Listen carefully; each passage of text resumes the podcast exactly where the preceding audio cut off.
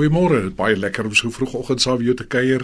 Ag en sommer net uit my hart uit bid ek dat jy 'n wonderlike dag sal hê. As ek so effens negatief hierdie week kan begin, dan wil ek jou vertel dat ons so amper 3 jaar gelede op 'n mooi maandag soos hierdie het ek en my vrou 'n gewapende roof by ons huis gehad. Baie sleg, baie brutaal en daarmee 'n deel van die statistiek, die groter wordende statistiek van ons land geword. Die volgende dag toe vra 'n vriend vir my, iemand wat regtig nadink oor die lewe, toe vra hy, Hoe voel dit wanneer dit gebeur en hulle die revolver teen jou kop druk en 'n mens in die oë staar?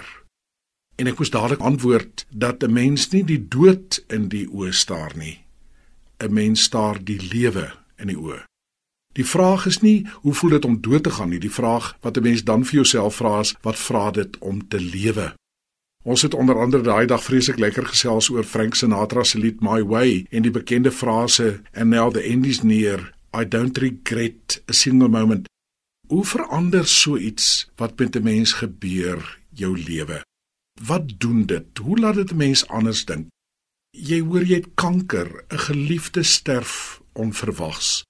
Jy kry 'n finansiële terugslag. Hoe verander dit 'n mens se lewe? Ek wil sê dat een van die eerste goed wat gebeur en dis waaroor ons hierdie week so 'n bietjie gaan gesels, is dat dit 'n mens anders na tyd laat kyk. En ek wil hierdie week met jou oor tyd praat. En 'n goeie wegspringplek is Prediker 3 vers 11 waar die skrywer sê God het elke ding gemaak dat dit pas in 'n bepaalde tyd. Maar hy het ook aan die mens 'n besef gegee van die onbepaalde tyd. Tog kan die mens die werk van God van begin tot einde nie begryp nie.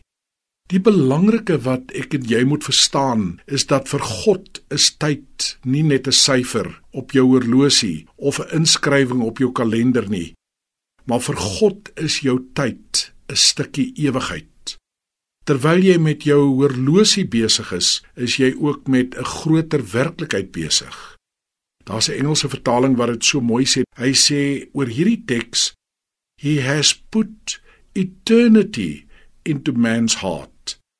Jou tyd en jou godsdiens staan nie los van mekaar nie. So baie keer dink ons godsdiens is hier, tyd is daar, maar vir die Here het hulle alles met mekaar te doen. Tyd is deel van jou diens aan God. Elke sekonde, elke oomblik, ook hier en nou behoort aan hom.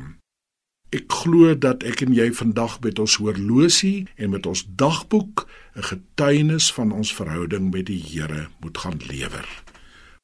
Goeiedag en die Here se seën vir jou.